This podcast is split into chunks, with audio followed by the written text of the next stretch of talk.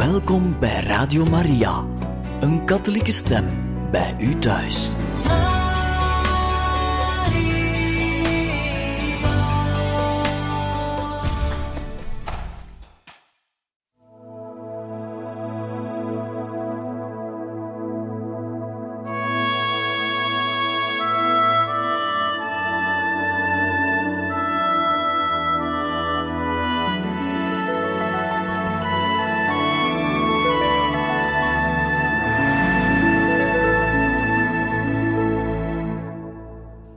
Beste luisteraars van Radio Maria, hartelijk welkom in dit programma Heilige Getuigen, waar wij beginnen met een nieuw leven van de dienares Gods, Montse Graces. Titel van het boek is Montse Graces tot alles bereid, geschreven door Edith Zeltner en uitgegeven bij De Boog. We beginnen met het voorwoord van de uitgever en wensen u een deugddoende lezing toe. In de kamer van Montse was er een opschrift waar te lezen stond: Altijd gelukkig. Het besef altijd gelukkig te kunnen zijn door een volledige overgave aan de wil van God bracht blijdschap en kracht in haar leven. Toen zij te horen kreeg dat zij botkanker had, zei ze tot alles bereid te zijn. Zij begreep de diepe zin van dit alles en liet haar leven in de handen van God.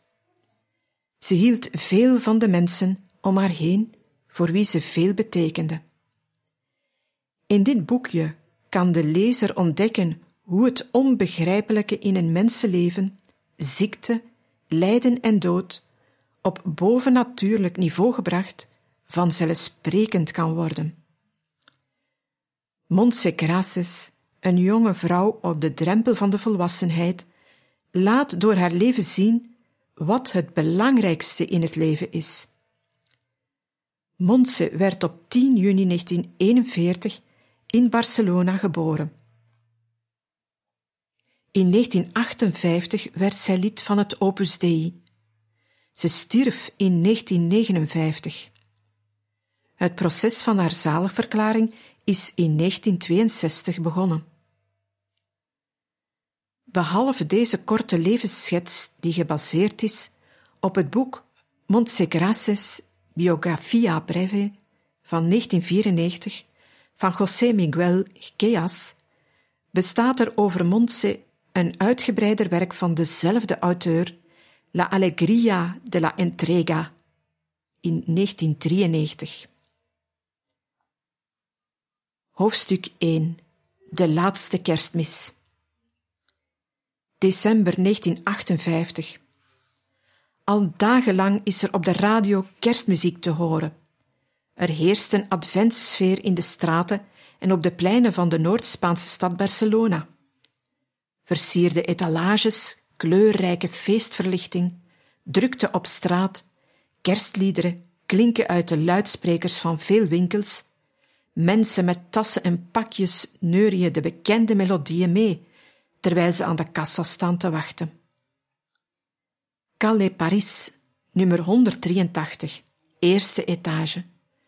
Een overvolle kamer in een ruime woning, waaruit lawaai en gelach van jonge mensen te horen is. Een stel meisjes, vriendinnen, is vol enthousiasme bezig de kamer te versieren met glanzende kerstballen en sterren. Ze hangen slingers en lametten op Pas als je beter kijkt, zie je dat het een ziekenkamer is. Vanuit haar bed dirigeert een bleke, maar zeer levendige tiener het hele gebeuren. Anna, die blauwe ster meer naar links, de zilveren slingers daarheen over de lamp, en daarachter graag wat ruimte vrijlaten voor de kerstkaarten die nog komen. Een decoratief beschilderde kachel aan de muur trekt de aandacht. Er staat een vrij ongebruikelijke tekst op. Altijd gelukkig.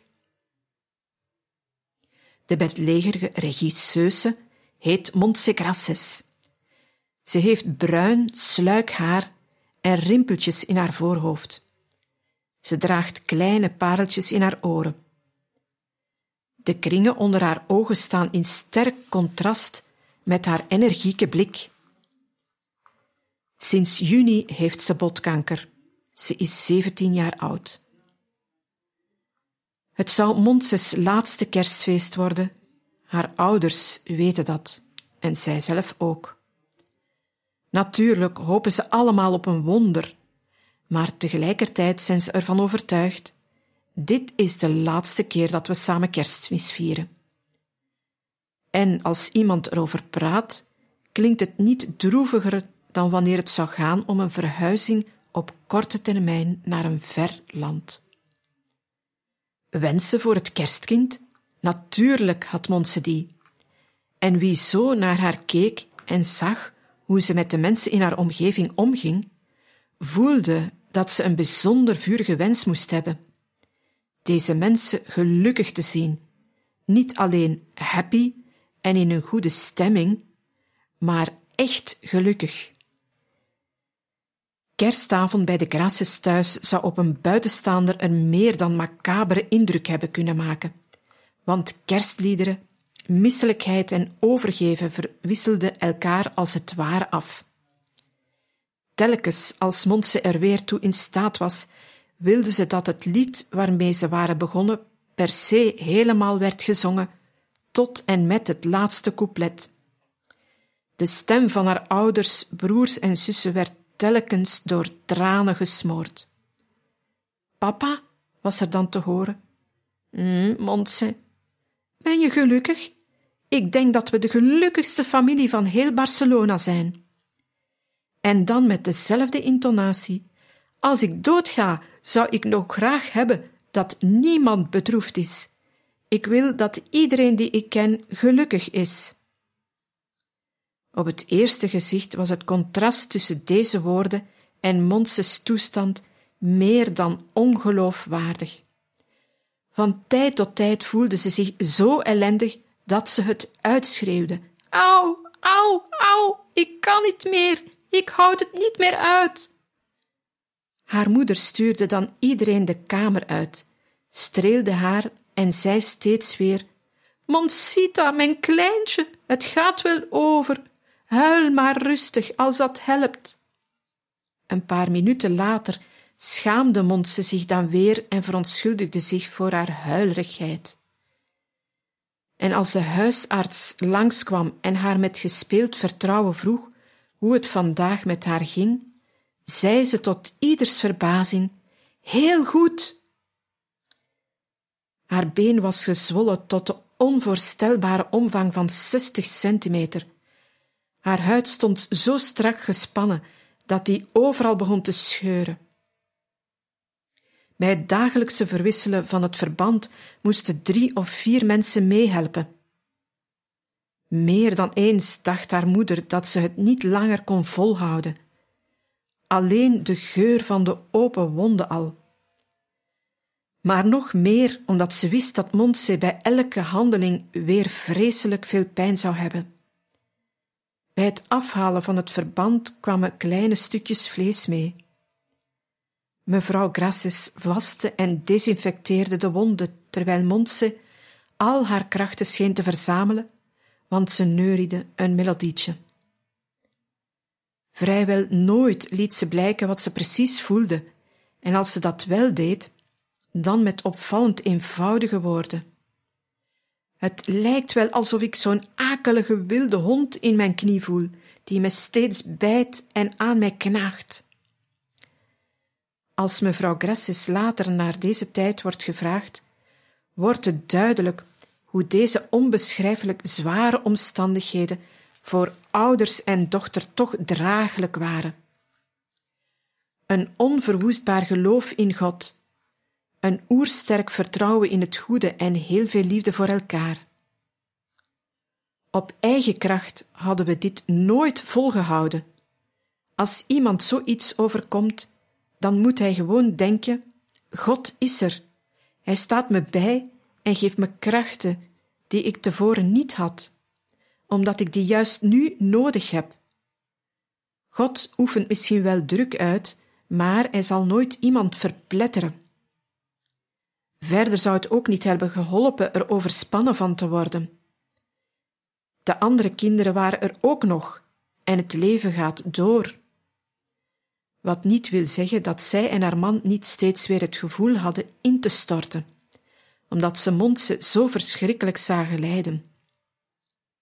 Het enige wat hun vaak nog overbleef, was een straatje omgaan, een korte wandeling, een bezoek aan een kerk om op andere gedachten te komen en thuis weer tegen de situatie opgewassen te zijn.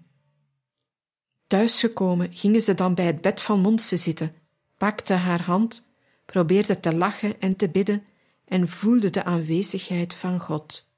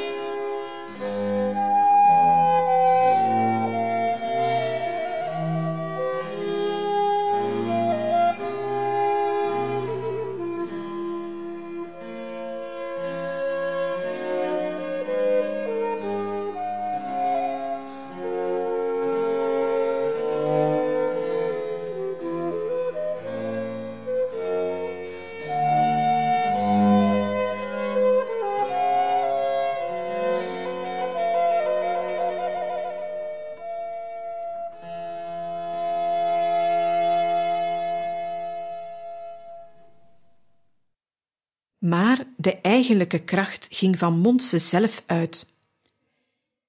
In juli, in de nacht dat ze van een vakantie bij familie op het platteland terugkwam, hoorde ze van haar ouders dat de pijn in haar knie geen reuma was, maar botkanker. Ongeneeslijk. Het been amputeren was niet mogelijk. Dat was haar eerste vraag geweest. En als ze nu mijn been eraf halen, het had geen zin meer. Even later, zo vertelt haar moeder, die haar na dit gesprek zachtjes achterna was gegaan, zat ze op haar kamer en staarde naar het Mariabeeldje op tafel. Alles wat u wilt. Zo ging ze naar bed en sliep enkele minuten later in. Monses geheim kan in één enkel woord samengevat worden: overgave een absoluut vertrouwen, vreugde, ja, bijna enthousiasme, hartstochtelijke overgave aan de wil van God. Toegegeven, Montse had een door en door vrolijk, positief karakter. Ze had, wat je noemt, een gelukkige jeugd gehad, en de relatie met haar ouders was vertrouwelijk en vol vriendschap. Toch zou men de werkelijkheid tekort doen door haar alleen te omschrijven als optimistisch of, nog onzorgvuldiger, als religieus sentimenteel, als iemand die buiten de werkelijkheid staat, een dromerige, vrome dweper. De overgave van Montse ging veel verder. Deze was eerder rationeel gefundeerd dan romantisch. Ze was er ten diepste van overtuigd dat God, dat Christus van haar hield, dat haar leven zin had als ze zich voor God en voor haar naaste inzette. En dat een dergelijke inzet in heel normale, alledaagse omstandigheden mogelijk was. Gezin, school, vrienden, vakantie, hobby's. Haar God, haar Christus, was een persoon, een iemand, haar beste vriend. Thuis in het gezin, in haar schooltijd, had ze deze beste vriend voor het eerst ontdekt. Later werd haar band met Christus hechter, waarachtiger, vertrouwder, veelomvattender, en toen de klap van haar ziekte kwam, raakte er in feite niets ontregeld. Integendeel, het was duidelijk dat ze innerlijk steeds rijper werd.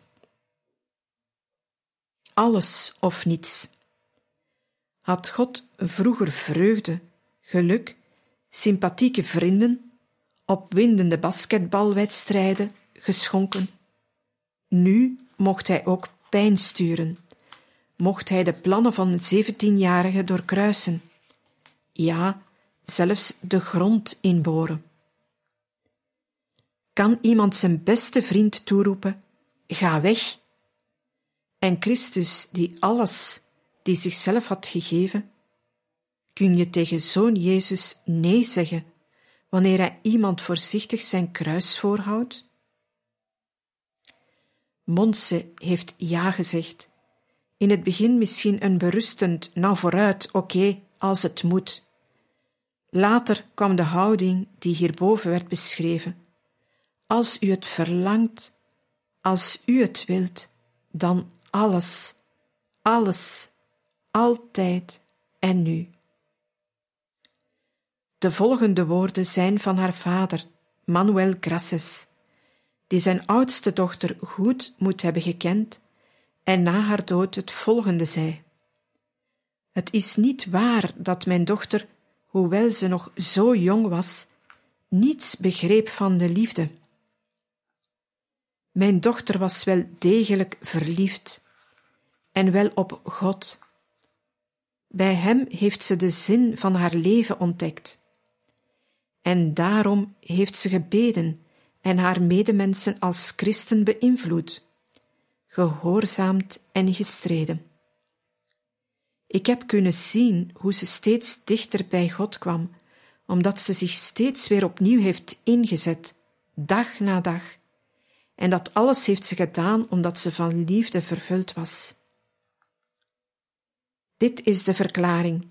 Monses gedrag was voor haar omgeving nog normaal, nog absurd.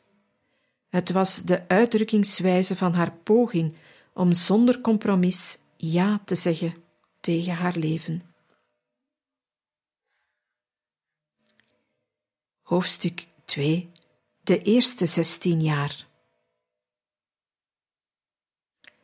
De ouders van Montse leerden elkaar in 1936 kennen en nog voor de zomer verloofden ze zich. Toen brak de burgeroorlog in Spanje uit. Het was een waanzinnig, in de rest van Europa bijna onbekend gebleven geweld, bladbranden en moorden door beide strijdende partijen. Toen de communisten in 1939 opgaven en rechts onder Franco had gewonnen en alles voorbij leek te zijn, zat Manuel Graces precies drie jaar als soldaat in het leger. Hoewel de oorlog officieel was afgelopen, werd de ontbinding van zijn divisie steeds weer uitgesteld. Augustus 1939 was, gezien de dreigende wereldwijde catastrofe, misschien wel het ongunstigste moment om enkele dagen vakantie te vragen. Maar Manuel Graces, die nu precies drie jaar verloofd was, had er genoeg van om nog langer te wachten. Hij wilde trouwen. Hij probeerde het onmogelijke, ging naar de eerste luitenant en vroeg verlof om te kunnen trouwen. Deze gaf gelukkig toestemming en op 7 augustus trouwden Manuel en Manolita in Barcelona. De huwelijksreis ging naar Burgos. Onderweg maakten ze ook de bedevaart die ze al lang bepaald hadden. Precies na acht dagen meldde Manuel zich weer bij zijn divisie en werd onmiddellijk, zoals al zo vaak was gebeurd, overgeplaatst. Dit keer naar Valencia. Dan volgt eindelijk het ontslag uit het leger. Met de eerste de beste trein terug naar Barcelona. En dan een echt gezin gaan worden. Ze vonden een woning in de Calais Paris, misschien iets te klein, want ze wilden veel kinderen. Om te beginnen is het wel groot genoeg, meende Manolita diplomatiek. En als het er ooit twaalf mochten worden, dan zien we wel verder. Zo begon het echtpaar met de inrichting van de woning. Terwijl in de rest van Europa bommen vielen en Spanje na de burgeroorlog een periode van schaarste doormaakte, met honger en gebrek aan water en stroom, werden de eerste vier kinderen geboren. Enrique in mei 1940, Montse op 10 juli 1941, daarna Jorge en in oktober 1944 nog een zoon Ignacio. De naam Montse kan niet vertaald worden. Net als zoveel andere meisjes werd ze genoemd naar een plaats waar Maria vereerd wordt. In dit geval Montserrat, de berg waar in een kerk het zwarte beeld van de schutspatrones van Catalonië staat, La Virgen de Montserrat. En Montse is daarvan de gebruikelijke afkorting. Het gewone dagelijkse leven van de Grasses onderscheidde zich in weinig van dat van andere gezinnen.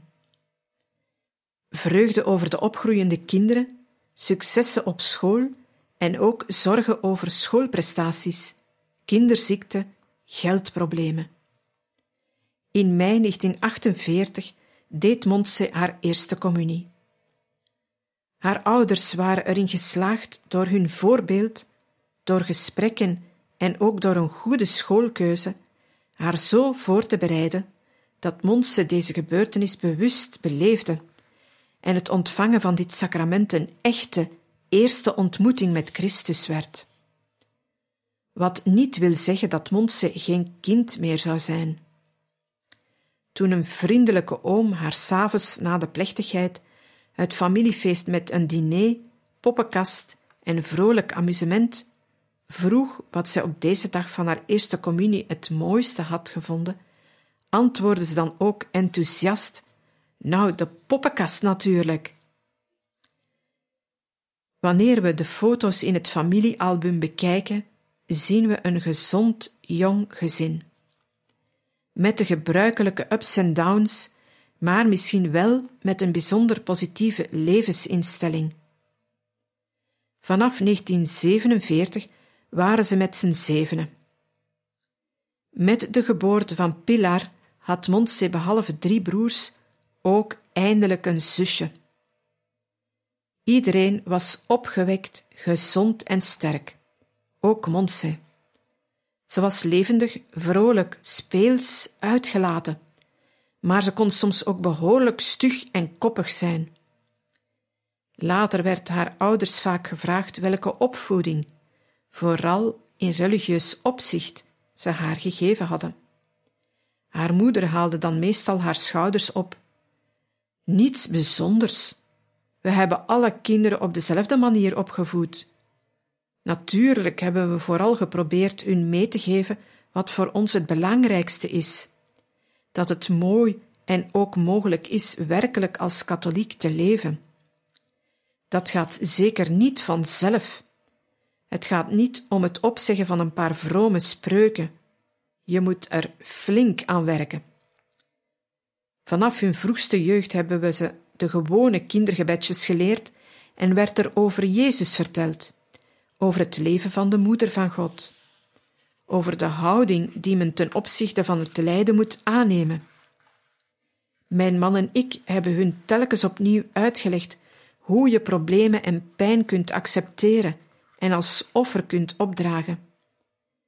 Dat iedereen tegen zijn eigen fouten moet strijden en dat je elkaar moet helpen. En Manuel vult aan: Ik wilde vooral dat ze eerlijke mensen zouden worden. Dat vind ik heel belangrijk. Vertel mij eerlijk wat er is gebeurd, zei ik vaak tegen hen. Het interesseert mij niet zo of je iets kapot hebt gemaakt, maar jullie moeten altijd eerlijk zijn en de waarheid vertellen, wat er ook is gebeurd. Jullie krijgen alleen straf als jullie tegen mij liegen. Eind jaren vijftig veranderde Montse van school en bracht de laatste vijf jaar van haar schooltijd door op een nonnenschool, niet ver van huis. Ze was een doorsnee leerling, maar ze werkte zonder dat er druk uitgeoefend hoefde te worden. Ze hield van sport, basketbal, tennis en tafeltennis, maar vooral van wandelen met haar vrienden of met haar familie in Seva, een klein dorp in de bergen waar de Gracias zomers een eenvoudig huis huurden. Het gezin was verder uitgebreid. In 1949 was er een tweeling geboren, Crucina en Mara José. En anderhalf jaar later was er nog een meisje bijgekomen, Rosario. Hoewel ze nu acht kinderen had, moest Manolita, die zich een paar jaar een hulp in de huishouding had kunnen veroorloven, hier weer van afzien. Het bedrijf van Manuel kwam door een reeks tegenslagen in de rode cijfers terecht. Ze verkochten hun auto, wisten niet waar ze nog wat bezetas op konden besparen en maakten schulden. God zij dank waren ze het erover eens dat de kinderen, als het maar even kon, hun opleiding moesten afmaken. De opvoeding was voor ons het belangrijkste. Ook wilden ze hun kinderen niet laten merken hoe zwaar de financiële druk was.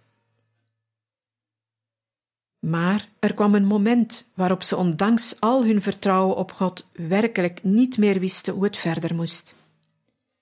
Acht kinderen en grote schulden, het was om gek van te worden.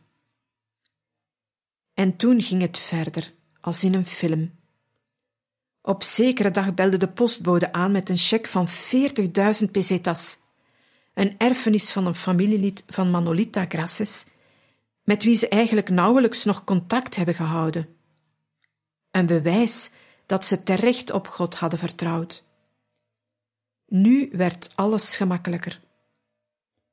Ondanks de financiële problemen hebben de kinderen goede herinneringen aan deze tijd bewaard.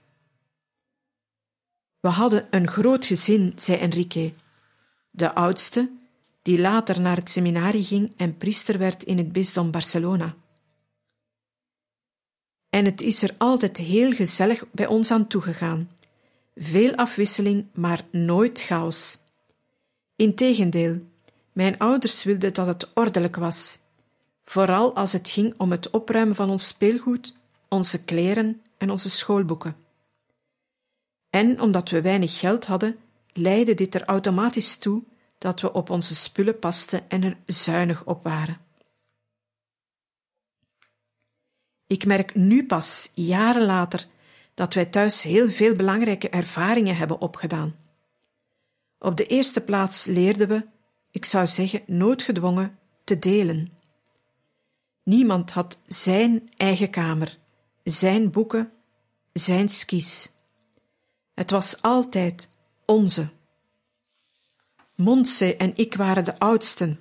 Aan ons werden de kleintjes toevertrouwd en dat maakte dat we eerder volwassen en zelfstandig werden. Mijn ouders hebben ons geleerd het gezin als een soort gemeenschappelijk project te zien. Ieder op zijn eigen plaats, maar met een gezamenlijk doel. Elk lid moest met zijn eigen mogelijkheden ertoe bijdragen dat het gezin op de een of andere manier vooruitkwam, zodat de diverse problemen, alles telkens acht keer, ons niet verstikte. Hoe ouder de kinderen werden, des te bewuster hielpen ze de lasten te verlichten. Ze leerden waarderen hoe papa en mama hun persoonlijke verlangens op de achtergrond plaatsten om er voor de kinderen te zijn. Vooral in de tijd dat er financiële problemen waren. En de grote merkte dat.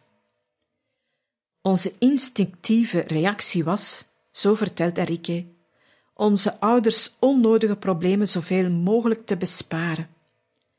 Dat wil zeggen, niets doms op school doen, tevreden zijn met wat we ons konden permitteren. Ik wist natuurlijk dat mijn vrienden altijd geld op zak hadden en ijs en snoep konden kopen en tafelvoetbal konden spelen. Ook ik was gefascineerd door tafelvoetbal. Ik had het precies berekend en zelfs de pesetas ervoor gespaard van mijn tramgeld. Echt waar. Zo hebben we tenminste, ik, begrepen dat je je moet inspannen om geld te verdienen.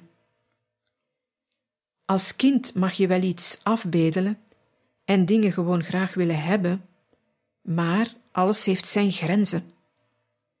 Ik heb begrepen wat de waarde was van de weinige dingen die we hadden. Het klinkt misschien ouderwets, maar in deze tijd zijn er nog weinig mensen die dat begrijpen. Ik hoor telkens opnieuw dat er ouders zijn die denken dat ze alles voor hun kinderen moeten kopen en hun alles geven omdat ze anders een trauma zouden krijgen. Ik denk dat het tegendeel waar is. Voor mij waren er zeker af en toe momenten, gebeurtenissen en situaties op school die onplezierig waren, maar alles bij elkaar genomen was het heel verrijkend. In deze zin ging het er bij ons thuis dus heel sober en nuchter aan toe. Achteraf bezien ben ik dankbaar dat we niet zo zorgeloos door het leven zijn gegaan en dat niet elke wens van ons vervuld werd.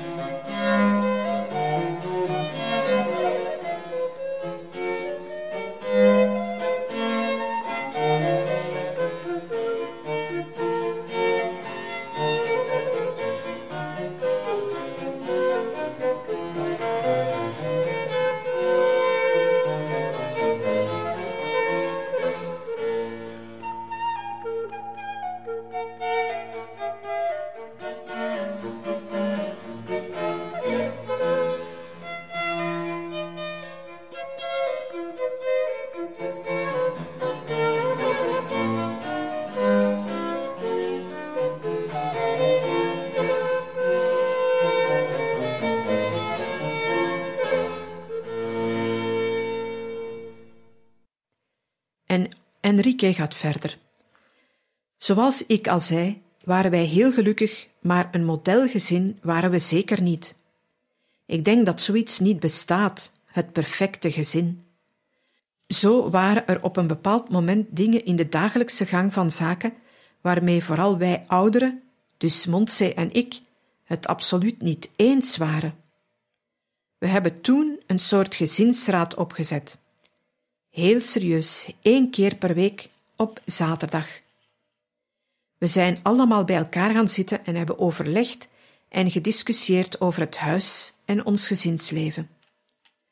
Het waren natuurlijk kleinigheden, maar zolang je nog een kind bent, vind je dergelijke dingen ongelooflijk belangrijk.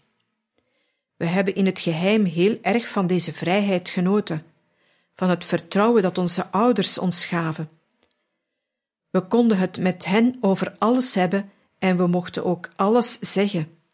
Natuurlijk, alles op het juiste moment. Hoofdstuk 3 De roeping. Toen Enrique in de zomer van 1956 vertelde dat hij besloten had priester te worden, sloeg dit in als een bom. Natuurlijk hadden de ouders als praktiserende katholieken er wel op gehoopt een van hun kinderen helemaal aan God te kunnen schenken. Maar zoiets lijkt in de realiteit toch heel onvoorstelbaar. Nu Enrique zestien was en zei dat zijn besluit vaststond, raakten zijn ouders snel met de gedachte vertrouwd: onze oudste zoon wordt priester. Geweldig! De heer Grasses maakte een afspraak met pater Gabriel, destijds de biechtvader van Enrique, en vroeg hem om raad. Deze reageerde enthousiast en zei dat men zeer zorgvuldig met de bovennatuurlijke roeping van een kind om moest gaan. Ze moesten Enrique vrij laten in zijn keuze, zodat zijn beslissing kon rijpen. Als zijn roeping echt was, zou dit wel blijken. In elk geval moesten ze geen druk op hem uitoefenen en enkele jaren rustig afwachten. Toch was dat niet gemakkelijk. Manuel overlegde met zijn zoon en adviseerde hem eerst de school af te maken. Je kiest een ander vakkenpakket dat beter aansluit en na je eindexamen ga je naar het seminarie. Anders wordt het met Latijn en Grieks daar te moeilijk. Als je wilt, zoeken we nog voor de zomervakantie een leraar Grieks voor je. Denk erover na en zeg ons dan wat je hebt beslist. Enrique hoefde er niet lang over na te denken. In dezelfde zomer in augustus, toen zijn vader enkele dagen weg was, schreef hij hem een brief. Hij had intensief tot Maria gebeden en wist dankzij haar hulp nu precies wat hij doen moest. Het zesde jaar afmaken en dan naar het seminarie gaan. De ouders waren op de hoogte, maar nu moest het ook nog aan de broers en zussen verteld worden. Enrique maakte het kort. Hij verraste hen bij het normale geroesmoes tijdens het avondeten. Volgend jaar ga ik weg. Ik word priester. Welke uitwerking had dit op Montse? Anna Maria Suriol, destijds haar beste schoolvriendin, vertelde dat Montse tranen in haar ogen had toen zij het nieuws aan haar vertelde. Ze was zeer aan haar broer gehecht, respecteerde en bewonderde hem. Over geestelijke zaken hadden ze het nooit met elkaar gehad. Ook niet over het priesterschap van Enrique of over Monses eigen latere beslissing. Ieder accepteert bij voorbaat de houding van de ander. Toch kan aangenomen worden dat Enrique's grootmoedige antwoord op zijn roeping Montse behoorlijk geraakt heeft. Roeping. Natuurlijk was dit nu een onderwerp om over na te denken. Van de godsdienstlessen op school en omdat ze het in het Nieuwe Testament had gelezen, wist Montse dat in principe elke christen door zijn doopsel, de roeping heeft heilig te worden en zijn christen zijn serieus te nemen en apostolisch op zijn omgeving in te werken. En wie geleerd heeft te bidden, ontdekt op een gegeven moment de heel persoonlijke oproep van God aan jou. Het is een uitnodiging tot meer, tot een zelfgave, in zekere zin tot een definitieve keuze. Dat dit niet zonder meer betekent priester te worden of naar een klooster te gaan, had Montse nog niet echt ontdekt, maar thuis wel meegemaakt. Haar ouders waren beide lid van het Opus Dei. Het Opus Dei, of het werk, is in 1928 in Spanje begonnen als een gelovige familie binnen de katholieke kerk met een uitgesproken lekenmentaliteit, waarbij de nadruk ligt op de universele roeping tot de heiligheid die gerealiseerd kan worden door het heilige van de arbeid. In 1982 heeft het Opus Dei een definitieve vorm gekregen als personele prelatuur van de katholieke kerk. Vanaf het allereerste begin van hun huwelijk steunden Manolita en Manuel elkaar in het geloof. Ze probeerden niet alleen op zondag, maar ook af en toe door de week naar de heilige mis te gaan. Ze baden de rozenkrans en gingen elk jaar naar bezinningsdagen. En toch was dit voor Manuel op de een of andere manier nog te weinig. Hij was zeker geen ontevreden perfectionist, integendeel. Maar regelmatig kwam bij hem het verlangen op om meer voor God te doen. Van het Opus Dei, dat vanaf de jaren veertig ook in Barcelona actief was, had hij nog nooit gehoord, totdat hij in de buurt van zijn huis steeds vaker mannen in gesprek met een priester zag. Het was eigenlijk niets bijzonders, maar Manuel werd nieuwsgierig. Hij sprak er met een vriend over en ook weer toevallig, deze kon hem verder helpen. Die behoren misschien tot het opus dei, zei de vriend.